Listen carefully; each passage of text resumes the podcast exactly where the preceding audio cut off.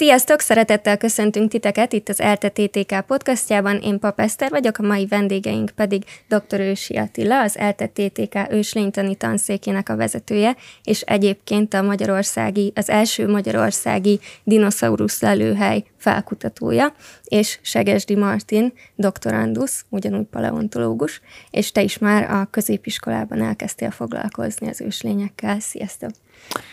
Jó estét, szervusz! Azért hívtunk meg titeket most, mert Salzburgtól nem messze találtatok egy igen érdekes lelőhelyet, pontosan 90 millió évvel ezelőtti ősgerinceseknek a lelőhelyét. Ezt milyen földtörténeti időszakba kell sorolni, hogyan kell ezt elképzelni? Ezek a maradványok, amik most Ausztriából előkerültek, a földtörténeti középidőből származnak, tehát a mezozoikumból, gyakorlatilag a dinoszauruszok korai szokták mondani régebben, vagy az ősülők kora, dinoszauruszok ideje.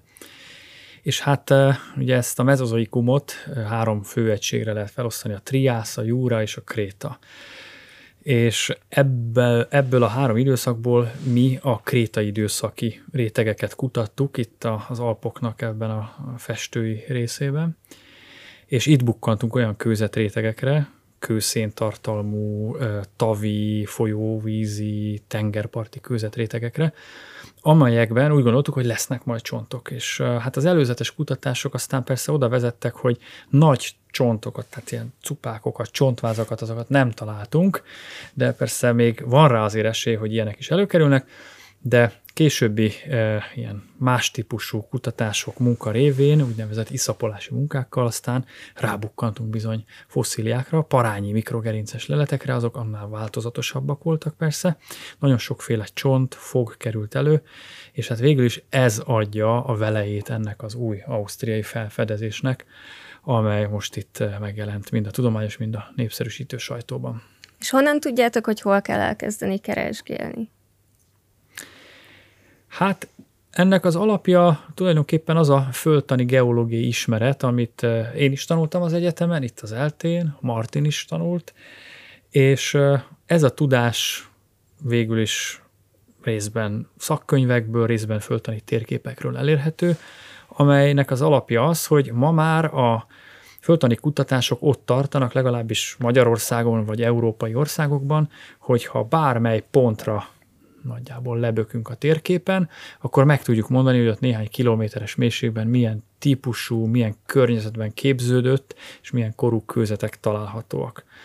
És hát ez az alapja annak, hogyha mondjuk mi gerinces fosszíliákat szeretnénk találni, hogyha szárazföldi környezetben élt állatok csontjait szeretnénk megtalálni, akkor milyen típusú kőzeteket kell keresni ehhez. Végül ez volt a, a úgymond a kiindulás ennél az ausztriai kutatásnál is.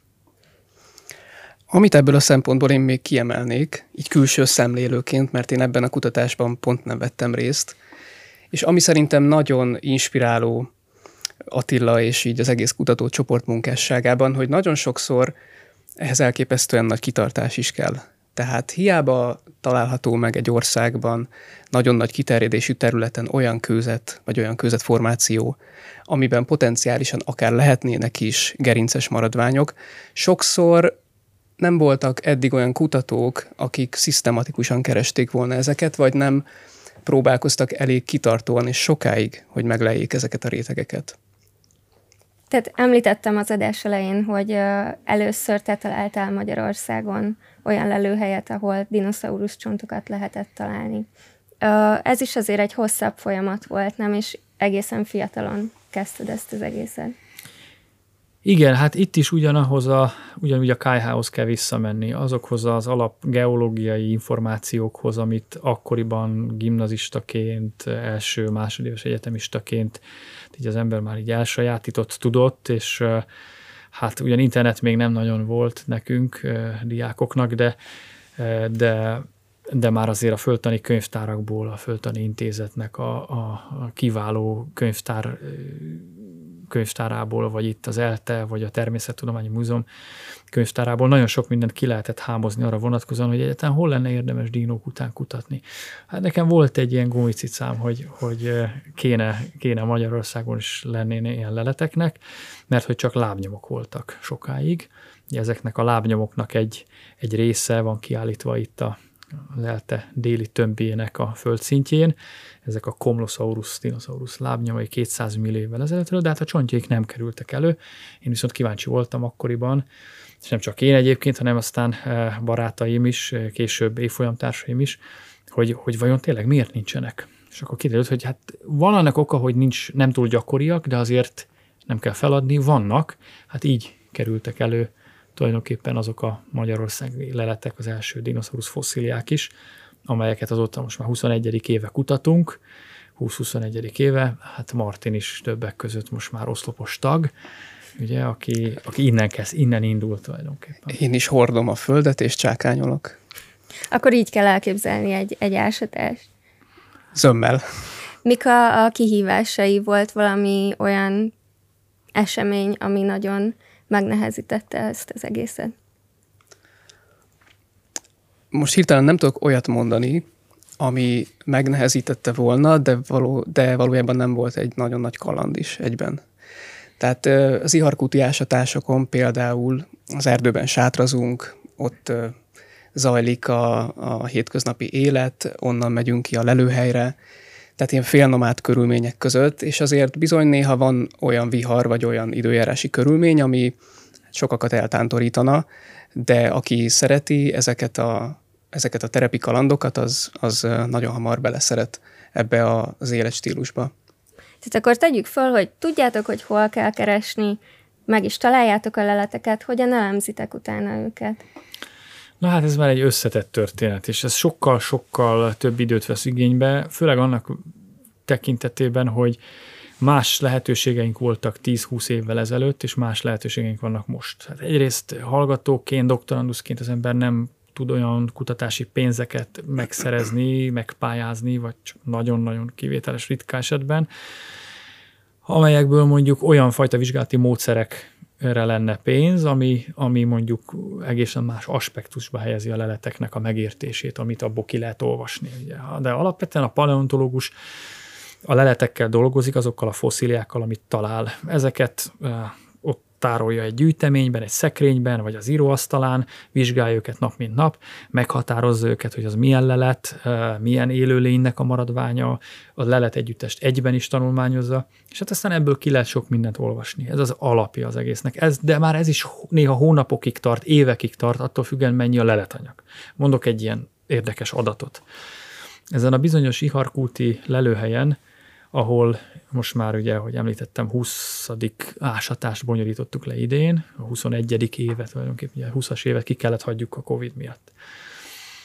Hát eh, most már több mint százer leletnél járunk, és ezeknek a leleteknek a döntő része olyan parányi lelet, ami néhány milliméteres. Ezeknek a parányi eh, fogaknak, csontoknak a, a zömét Szabó Márton kollégánk gyűjtötte többek között. Szentes Izolé is sokat dolgozott velük, és még néhányan, amelyeket nem lehet csak itt szabad szemben meglátni, hanem át kell mosni azt a kőzetet, amiben van a csont, amiben vannak a leletek, és ezek a parányi leletek visszamaradnak egy ilyen szitahálón. Hát az ember átiszapolja, átmossa, hogy szoktuk ezt mondani, és ennek ki kell válogatni. Szabó Marci néhány évvel ezelőtt nekiállt ezeknek a tiszapolási maradékoknak, ami 120-140 kiló volt. Tehát kilogramra. Tehát több, több nagy ilyen zsáknyi anyag. És néhány gramnyit lehet egyszerre a mikroszkóp alatt átnézni, majd ki kell szedni belőle leteket. Még nem fejezte be. Több tízezer ilyen fog kerül elő, és hát ezeket aztán lehet mérni, ezeket lehet összehasonlítani egymással, ugye adott lelőhelyről, a többi lelőhely ilyen anyagával, és hát millió egyébféle vizsgálatot lehet csinálni. Amivel itt a Martinnal elkezdtünk dolgozni az utóbbi hónapokban, ez például egy olyan technika, amihez biztosan nem jutottam volna hozzá mondjuk 15-20 évvel ezelőtt. Egyrészt nem is nagyon volt még akkoriban talán ilyen technika, vagy ha volt is, nagyon gyerekcipőbe járt. E, másrészt nagyon drága volt, még most is az, ez a 3D szkennelésnek a technikája, uh-huh. amit a Martin most már nagyon jól elsajátított, a saját kutatásaihoz is használja, már el is meséli biztos, aminek az a lényege, hogy tulajdonképpen három dimenzióba ugye beszkenneljük a leleteket, és három dimenzióba lehet azokat mindenféle módon vizsgálni. Ezt hogy kell elképzelni akkor, ha már az Attila mondta, hogy biztos mesélsz róla? Ö, igen. Tehát a 3D szkennelésnek van egyfelől egy tudományos előnye is. Fel lehet használni úgynevezett morfometriai vizsgálatokhoz, aminek az a lényege dióhéjban összefoglalva, hogy megpróbáljuk különböző általunk meghatározott, de főleg biológiai paraméterek alapján számszerűsíteni, és valamilyen módon matematikailag is leírni a csontoknak a formáját. Ez segítségünkre lehet abban, hogy összehasonlítsuk ezeket a formákat, és ehhez társíthatunk akár evolúciós vagy filogenetikai ö, dolgokat is. Tehát például megmondhatjuk azt, hogy egy adott csontnak a formája az most egyfajta alkalmazkodástól függ, vagy mondjuk lehet, hogy a csontnak a formája az alapvetően attól függ, hogy milyen családba tartozik az az adott élőlény. A másik előnye viszont ennek a 3D szkennelésnek, hogy gyakorlatilag a digitalizálás miatt a csontok és ezek a leletek a világon szinte bárkinek elérhetővé válhatnak. Így a kutatásnak egy olyan fajta kooperációja indulhat el, ami eddig elképzelhetetlen volt, hiszen hogyha mondjuk van egy dél-amerikai kutató, aki szeretné megismerni ezeket a leleteket, akkor annak át kéne utaznia a fél világon, hogy ezeket tanulmányozhassa. Így viszont ezzel a digitalizálással egyszerűen le tudja tölteni ezeket a modelleket például, és ő, ő is részt tud venni a kutatásban, vagy akár a saját kutatásához felhasználhatja ezeket az eredményeket. Ez a technológia ma már bizonyos országokban rutinnak számít. Itt most jóslintani szempontból mi kezdtük el ilyen nagy volumenben digitalizálni a csontokat. Amivel én foglalkoztam korábban, az egy Erasmus projekt volt. Párizsi Természettudományi Múzeumban voltam egy fél évet, és ott tanultam meg, hogy hogyan kell ezt a digitalizálást, illetve az ehhez kapcsolódó morfometriai vizsgálatot elvégezni. És ez, ez az én doktori témámhoz kapcsolódik. Én madárcsontoknak a morfometriai vizsgálatát végzem el, ez az egyik projektje a doktorimnak, és amivel én a választ, tehát amire a választ keresem, az az, hogy a különböző vízimadaraknak a csontjai hogyan adaptálódtak a különböző úszásformákhoz, és ehhez a morfometria egy elég erős eszköz. És egyébként a természet hogyan őrzi meg számunkra ezeket a maradványokat? Tehát például egy, egy dinó lábnyomot hogyan tudja megőrizni? Na hát ez egy jó kérdés, olyan szempontból, hogy tudjuk persze, de pont a lábnyomok esetén nagyon sok a bizonytalanság, nagyon sok a, az a fizikai paraméter, ami befolyásolja, hogy egy lábnyom megőrződjön.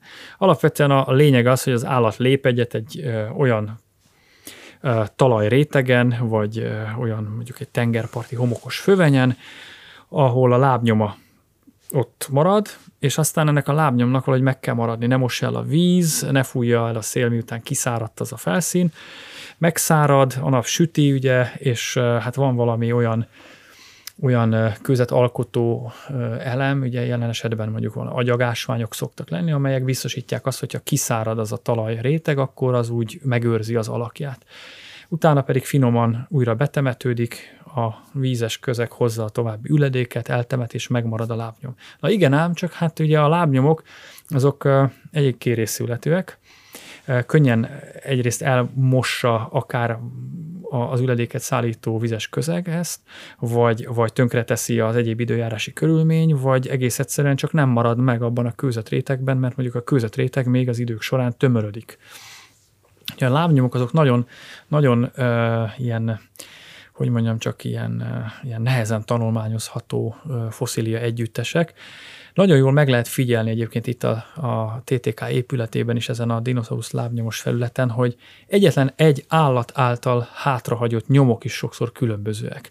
Ugye, hogy érte a lába az állatnak a talajt, milyen volt ott a talaj, milyen volt a víztartalma, mennyire volt tömör, vagy egyáltalán csak mi maradt meg abból a lábnyomból. A csontok esetében azonban más a helyzet, hiszen a csontoknak a szerves rész általában eltűnik, de a szervetlen ásványos felépítése, kalciumfoszfát, apatit, az ugye gyakorlatilag megőrződik. A fogaknál meg még inkább, mert a zománc és a dentin, ami a fogakat fölépíti, az sokkal keményebb, tömörebb, ellenálló, mint mondjuk egy végtagcsont vagy egy borda. De hát minden esetre a csontok azért legalábbis az ásványos részük megmarad, sokszor átkristályosodik, kitöltődik, és hát ezeket találjuk mi meg ezekben a kőzet rétegekben. Persze aztán miután megtaláltuk, ki kell szedni, ami egy külön történet, ez a preparálási munka, az a fajta nagy türelmet és jó eszközöket és ügyességet igénylő munkafolyamat, ami oda vezet, hogy azt a sok milléves leletet kiszabadítjuk a kőzetrétekből, ami néha nagyon nehéz, akár napokig, hetekig, sőt néha évekig tart, néha vegyi, a vegyi ilyen preparálást kell alkalmazni, savakat, hogy feloldódjon a körülötte lévő kőzet, néha vésni kell a kőzetet a csont körül, akár, akár tényleg naphosszat. Úgyhogy ilyen fázisa is van az ilyen paleontológiai kutatásnak, de hát megéri, mert néha tényleg az ember olyan dolgokat szabadít ki a közetből, amit ő lát először sok millió év után a, a napfényben, vagy éppen az az egyetlen egy példány van belőle, és nem is lesz belőle több. Igen, én hasonló videót egyébként láttam a, talán a Youtube-on, hogy egy ilyen gömbalakú, kicsit ilyen gömbalakú követ talált valaki a tengerparton, és épp, hogy csak egy pici részt látott egy rákból, és talán neki is napokig tartott, hogy így szépen farigcsálta körülötte a követ, és akkor ezt, ezt meglátta igen, így bizony. a végén. Úgyhogy akkor ez aprólékos nagyon, munkát nagyon, igényel. Nagyon, igen. Az biztos nem vette videóra, hogy közben 20 másikat eltört. Igen.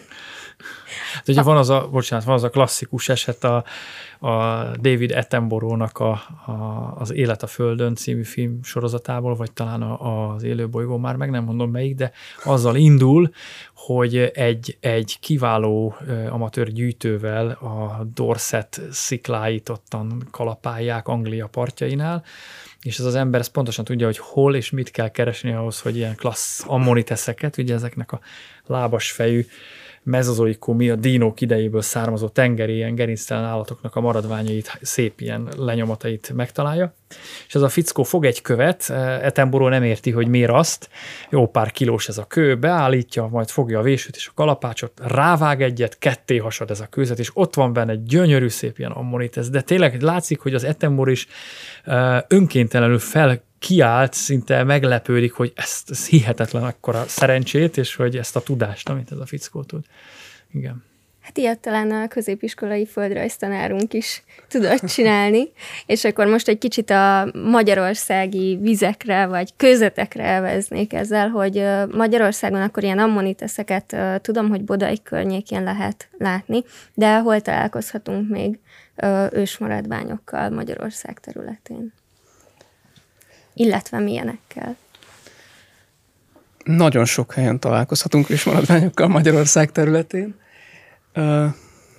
de kimondottan olyan helyekre gondolsz, ahol mm, gyakran és szép maradványokat gyűjtenek?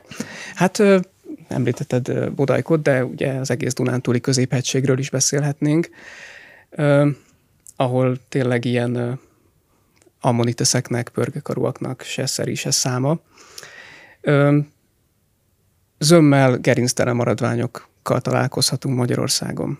Azonban ritkán előfordul olyan is, hogy gyűjtők, akik laikusok, tehát nem szakmabeliek, de egyszerűen az ősmaradványgyűjtés passziója és, és az ősvilág szeretete miatt sokszor gyűjtenek, és tényleg impozáns gyűjteményeket tudnak felhalmozni. Tehát időnként ilyen gyűjtők is találnak gerinces maradványokat. Például nemrég egy egy ősmaradvány gyűjtő a Balaton felvidéken egy Ichthyosaurus csigolyát fedezett fel, és olyannyira tiszteletben tartotta ez a gyűjtő a tudományt és a tudományos munkát, hogy ezt nem megtartotta magának, hanem a Természettudományi Múzeumnak ajándékozta. Úgyhogy ez egy, ez egy nagyon, legalábbis engem lenyűgözött, mert igen. Szívesen tartaná az ember otthon, persze. Hát igen, főleg a, Ugye azért is említetted a középiskolát, mert középiskolában nekünk volt egy gyűjtő szakkörünk, ahol, ahol a, a az érdeklődő diákok és maradványokat gyűjthettek ott Székesfehérvár környékén, Bodajkon, Kisgyombányán, erre-arra, és hát ekkor megtapasztalja az ember azt, hogy aki gyűjtő, az nagyon szereti a saját kis gyűjteményét minél szebben berendezni, de nagyon fontos az, hogy a legfontosabb és legértékesebb darabok közgyűjteményekbe legyenek elhelyezve, mint például a Természettudományi Múzeum gyűjteménye is. De hogyha például talál valaki pár darab egy sejtűt, én találtam, akkor azzal nem követtem el nagy hibát, hogy ezt így magamnak őrizgetem otthon, és tartom őket. Nem, hát ez, azok ugye olyan fosszíliák, amelyek általában tömegesen fordulnak elő, mondjuk gondoljunk a foraminiferákra, ugye a Szent László pénze, amelyeket a Bakonyban nagyon sok helyet lehet gyűjteni, vagy itt a Büdei hegységben is, ezekben az eocénkorú kőzetrétegekben, Cépvölgyi mészkő, ugye, hát egy kiváló gyűjtőhely, olyan, olyan egykori trópusi sekétengeri környezetnek a, az élővilágát őrzi, ami, ami hát igen, szóval kivételes.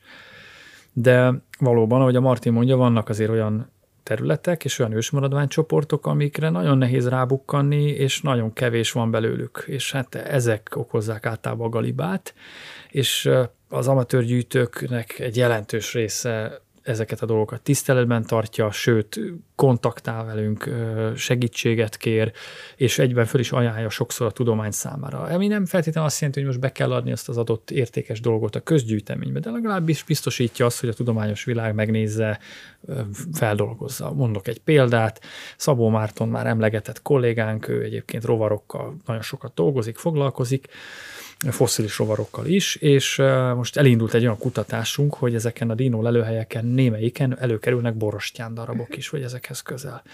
Ugye ez a borostyán az egykori gyantának a kövülete, és a gyanta az folyik a növények fák oldalán, és ami ott van, az beleragad.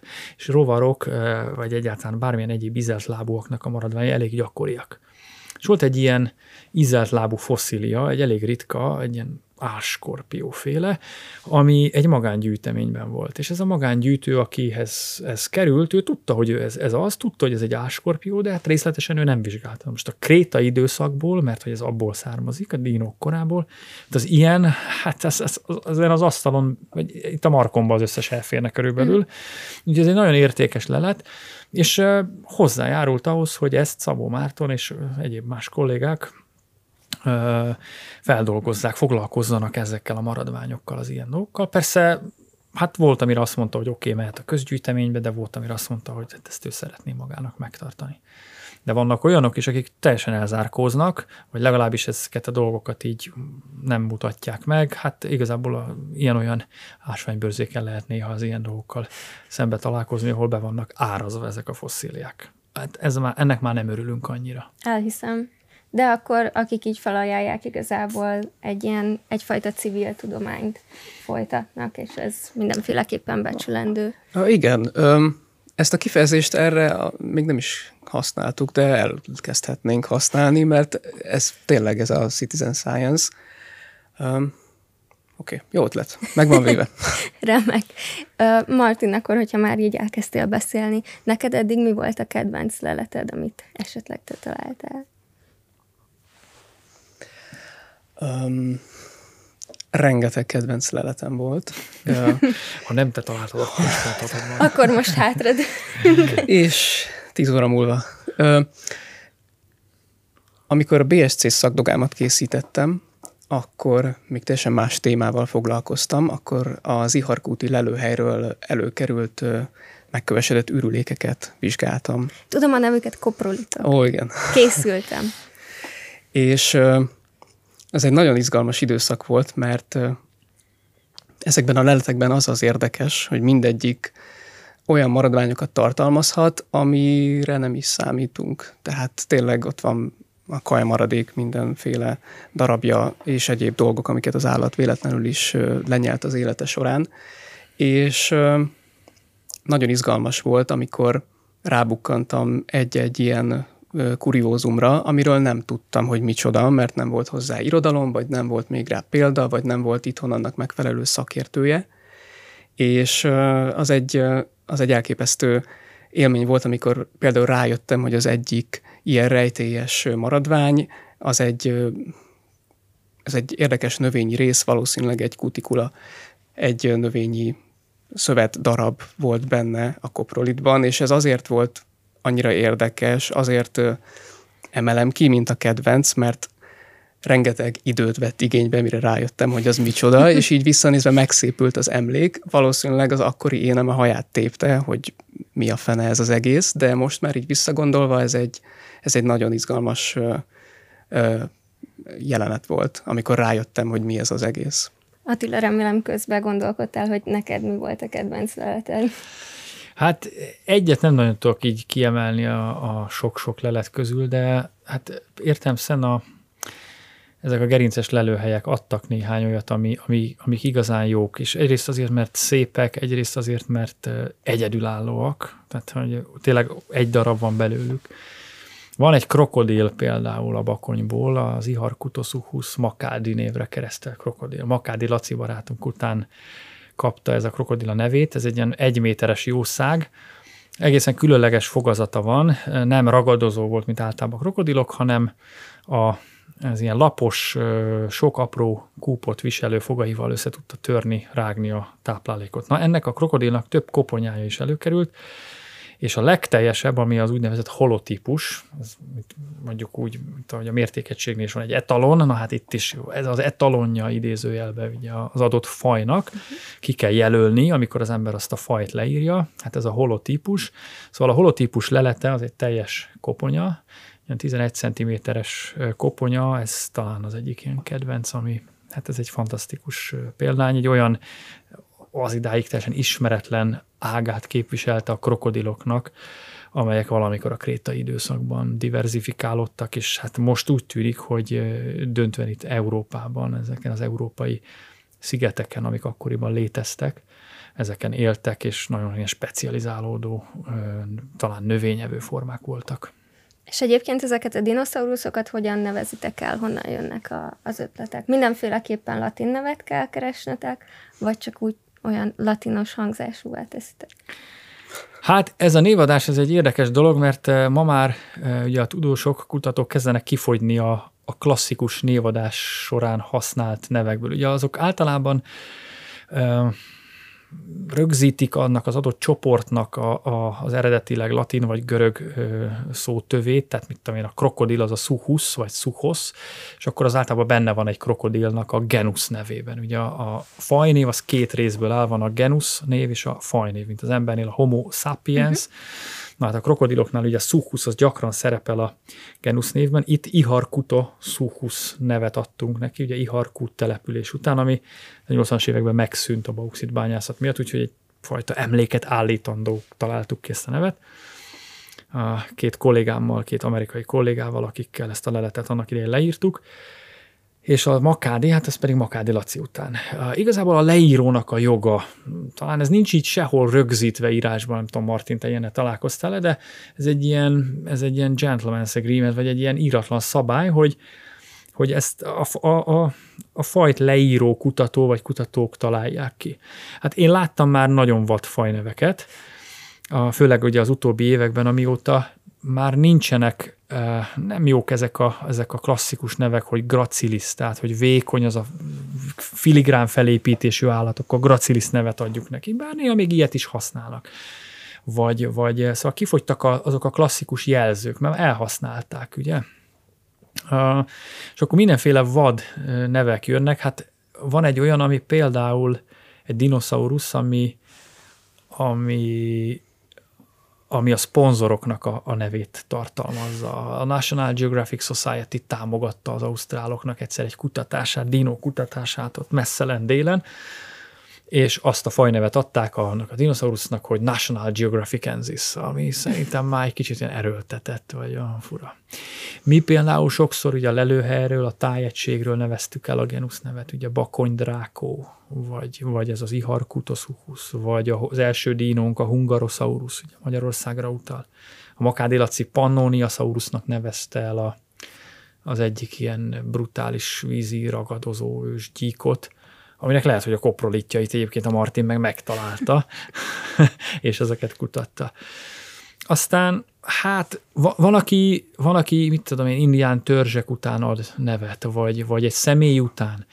az, az mondjuk veszélyes, az Mincenti tanárnő szokta nekünk mindig mondani régen, hogy, hogy genusz nevet, ami után jön majd a fajnév, azt ember, ember vagy családnév után ne nagyon nevezzünk, az a vigyázzunk, mert a fajnév az változhat esetleg, és esetleg ha valami olyan fajnév, valami egyfajta jelzője a genusznak, akkor esetleg kellemetlen helyzetbe hozhatjuk még azt a családot vagy családnevet, úgyhogy erre kell figyelni. Szerintem a legkedvesebb ilyen elnevezés példa az a Masiakasaurus knopfleri, amit Mark Knopfler után neveztek el a leírók, akinek a zenéjét az ásatáson hallgatták a munka közben. De egyébként pont a napokban kaptam egy e-mailt, megjelent egy új tanulmány egy észak-amerikai Ichthyosaurusról, aminek a neve most nem fogom tudni idézni, de az a lényeg, hogy egy őslakos törzs. Uh-huh. És rögtön a cikkhez már mellékelve volt egy YouTube videó, hogy hogyan kell kiejteni azt a nevet, hogyha bárki is szeretné, akár egy konferencián, vagy így az ismerősei között. A hungarosaurusról tudsz nekünk egy kicsit mesélni? Hogy nézett ki? Igen, hogyne, hogyne. Mennyi időtök van? van, van még. Hát a hungarosaurus volt az első magyar, olyan magyarországi dinoszaurusz, aminek a csontjait megtaláltuk, és tulajdonképpen ezt publikáltuk először a 2005-ben egészen pontosan. Addigra már négy, azt hiszem négy csontváza és sok száz csontlelete került elő. Ez egy 4-4,5 méteres testhosszúságú páncélozott dinoszaurusz volt, ami itt az egykori Bakony, vagy tulajdonképpen mondhatjuk, hogy az egykori Dunántúli középhegységnek a akkor létezett szárazulatain élt. Hogy ez a szárazulat mekkora volt pontosan, és mennyi ideig létezett, ezt nagyon nehéz megmondani, de azt gondoljuk a, hát az üledékföldtani adatokból, geológiai adatokból, hogy egy-két millió évig szinte biztosan szárazulat volt itt, és hát ezen a szárazulaton folytak a folyók, ugye szubtrópusi klíma, ami igazából azt jelenti, hogy nedvesebb és szárazabb időszakok váltják egymást, néha vannak erdőtüzek, ezekre is vannak egyébként bizonyítékaink. És hát itt éltek ezek a dinoszauruszok és ezek az ősüllők, köztük ez a növényevő páncélos dinoszaurusz is, amelynek most már 20-21 évnyi kutatás után van 12 csontváza, köztük a legteljesebb megint csak a holotípus csontváz, ez olyan 450 csontból áll, és egy 45-50 négyzetméternyi területről gyűjtöttük be közel két év alatt a maradványait. De vannak már a csontvázakon túl további koponyaleletek, végtagcsontok, fogak százával, szóval egy nagyon gazdag leletanyag, az egyik leggazdagabb az egész világon a páncélos dínok tekintetében tényleg. Botfalvai Gábor kollégánk Rondvai Edina kolléganőnkkel együtt csináltak egy ilyen tudományos munkát nem régibe, ahol a páncélos dínoknak az életmódját vizsgálták. Leginkább az volt a kérdés, hogy vajon csapatokban, csordákban legelhettek, élhettek, élhették a mindennapjaikat, vagy csak időről időre verődtek csordába, és inkább ilyen magányos életmódok voltak, és igazából ez az utóbbi jött ki, hogy ha, ha, ha nagy gond volt, tűzvész, áradás, bármi, akkor, hogy ma is ugye az élőlények összeverődnek csordákba, akkor, akkor úgy félreteszik a félelmüket, már az egymással szembeni félelmüket, vagy félreteszik a, az ilyen dolgokat, és akkor összeverődhetnek, valószínűleg itt is ez történhetett a, a páncélos dinók esetében. Szóval ők például ezt a részét tanulmányozták, és hát a kutatásukból többek között az is kiderült, hogy azt hiszem, hogy a top három vagy öt páncélos dino leletanyagok között van a hazai, mert egyszerűen olyan gazdag. Tehát Mongóliából és Észak-Amerikából vannak még hasonló gazdagságot jelentő ilyen leletegyüttesek. Egy kicsit kezdjünk el talán nosztalgiázni, tehát ezt tudjuk, hogy téged valamiért középiskolában megfogott az, hogy, hogy hol lehetnek Magyarországon dinó maradványok, és akkor ez indított el igazából a pályán. Ennek volt valami előzménye még, vagy ez csak úgy jött egy gondolat, és ennyire ráálltál? Hát az előzménye az egy kicsit ködös, és talán több mindenre visszavezethető. Alapvetően a szüleimnek a, a, az a fajta tevékenység, hogy ők rengeteget jártak horgászni, vagy jártunk horgászni, rengeteget jártunk gombászni a természetben, nagyon sokat kirándultunk. Ez megadta a természet szeretetet, azt gondolom. Tehát ez, ez, ez volt az alap. És hát ezek alatt a kirándulások alatt én nagyon sokszor, a bakonyi gyerek lévén, ugye ajkai vagyok, sokszor elvetődtünk olyan helyekre, ahol kőfejtők voltak, sziklafalak voltak, és hát ilyenkor óhatatlanul az ember belebotlik eh, mindenféle érdekes dolgokba, amit én érdeklődő gyerekként fölvettem, megnéztem, hát én is találtam 14-15 évesen ilyen óriási egysejtűek maradványait, foraminiferákét, amikről meséltél, kagylók, csigáknak a vázait, ammonites töredékeket, ugye, hát ezek arra elég gyakoriak, vagy lehet itt-ott találkozni velük.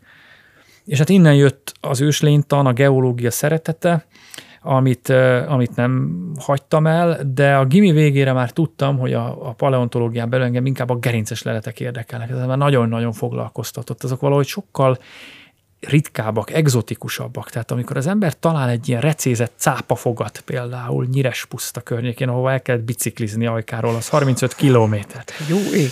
Hóban, fagyban. Hóban, ahogy mondjátok. Száporozó fegyvertűzben. Igen, igen, igen. És, és tényleg ott kalapálni, meg, meg eszed a szendvicset, ideg van, szóval, és akkor végre rábukkansz egy ilyen leletre, teknős páncélok kerültek elő, amelyeket eh, akkoriban próbáltam meghatározni. Szóval, hogy ez, ez volt az, ami engem terelt ebbe az irányba, és aztán egyszer csak jött a kérdés, hogy hoppá, a dinoszauruszok, ugye? Hát 90-es évek végéről beszélünk. Hát akkor ti még ezekről nem nagyon tudtatok sokat, hát, ugye? Akkor születtünk. Na, igen. Én 96 hét táján már feltettem azt a kérdést, mivel már akkor voltak ilyen dokumentumfilmek azért a, a televízió csatornákban, hogy ilyen dino expedíciókról szóltak, meg mit hogy na, és nálunk miért nincsenek dinók? Miért, ha elmegyek a Természettudományi Múzeumban, még akkor még a Nemzeti Múzeum részeként létezett, akkor miért nem, miért nem láthatunk dino csontvázakat? Hát egyrészt nem volt rá pénz, hogy vegyenek külföldieket, másrészt itthon meg nem voltak dino mhm. leletek, csak a lábnyomok, amiket már emlegettem ugye Pécs környékéről. Na de hát lehetnének esetleg, ugye innen jött az ötlet, és hát tulajdonképpen kiderült, hogy a szülő városomtól, Ajkától pár kilométer, sőt Ajka város határában a dínok korabeli mocsárban képződött kőzetek, üledékes kőzetek találhatók, talán van bennük, és akkor ezeket elkezdtük gyűjteni, kutatni. Szőke Feri barátommal, aki építész lett, Tormandrás barátommal, aki a Győri Egyetemnek a munkatársa, a Győri Audinak a munkatársa. Szóval egy fantasztikus ilyen baráti csapat ment, és, és bizony elő is kerültek az első gerinces lehetek akkor táj, sőt, hát aztán ugye később elmentünk Iharkútra, ahol a bauxit bányászat ugye akkoriban még zajlott, és ott aztán szerencsével kombinálva, de belebotlottunk egy olyan rétegbe, ami tel is tele volt csontokkal. Akarni és keresni kell, meg szerencsé is kell hozzá. Martin, téged mi indított el ezen a pályán? Nem tudom. Nem tudod. Jó, én, én emlékszem, hogy már középiskolában oda voltál igen, a, az őslényekért, akkor ezt most humály fogja fedni. Viszont felteszem a következő kérdésemet. Lehet-e paleontológusokat megnézni? Van-e nektek nyílt napotok?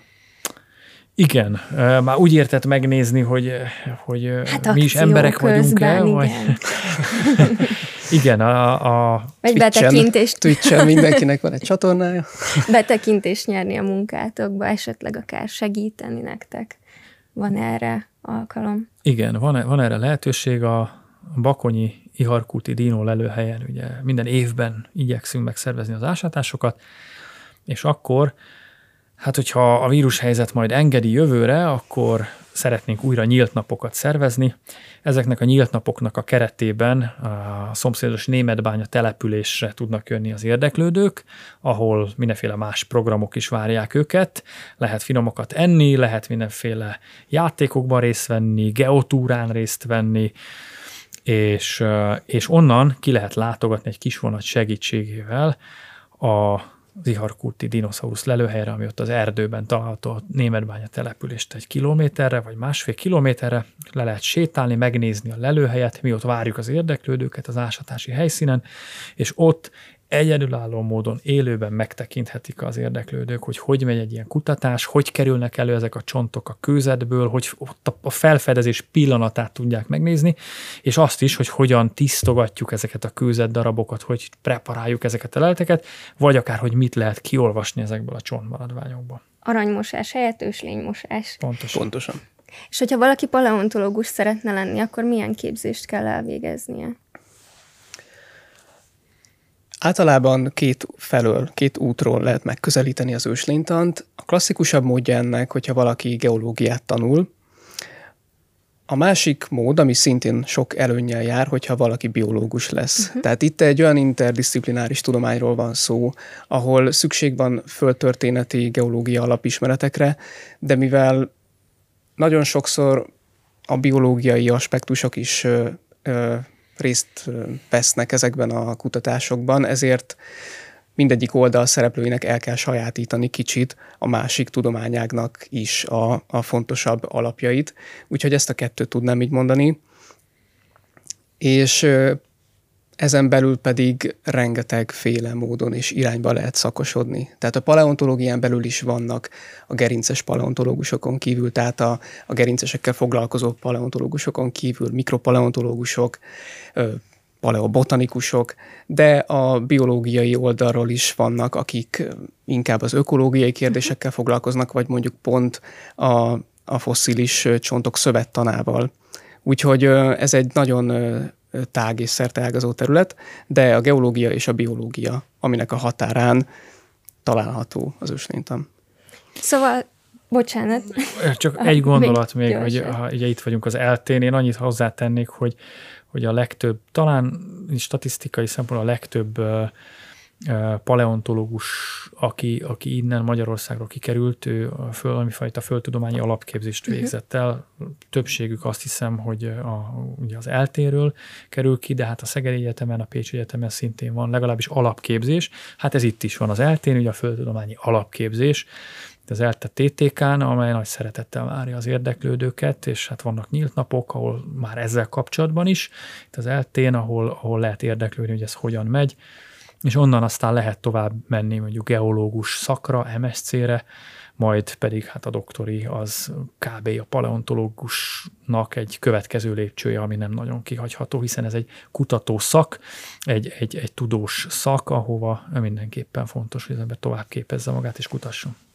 Szóval, hogyha tudjátok már, hogy paleontológusok szeretnétek lenni, őslényvadászok, akkor tudjátok, hogy hova kell jelentkeznetek, illetve, hogyha még csak ízlelgetnétek és belekostolnátok a rejtelmeibe, akkor figyeljétek, hogy mikor van nyílt nap Attiláéknál.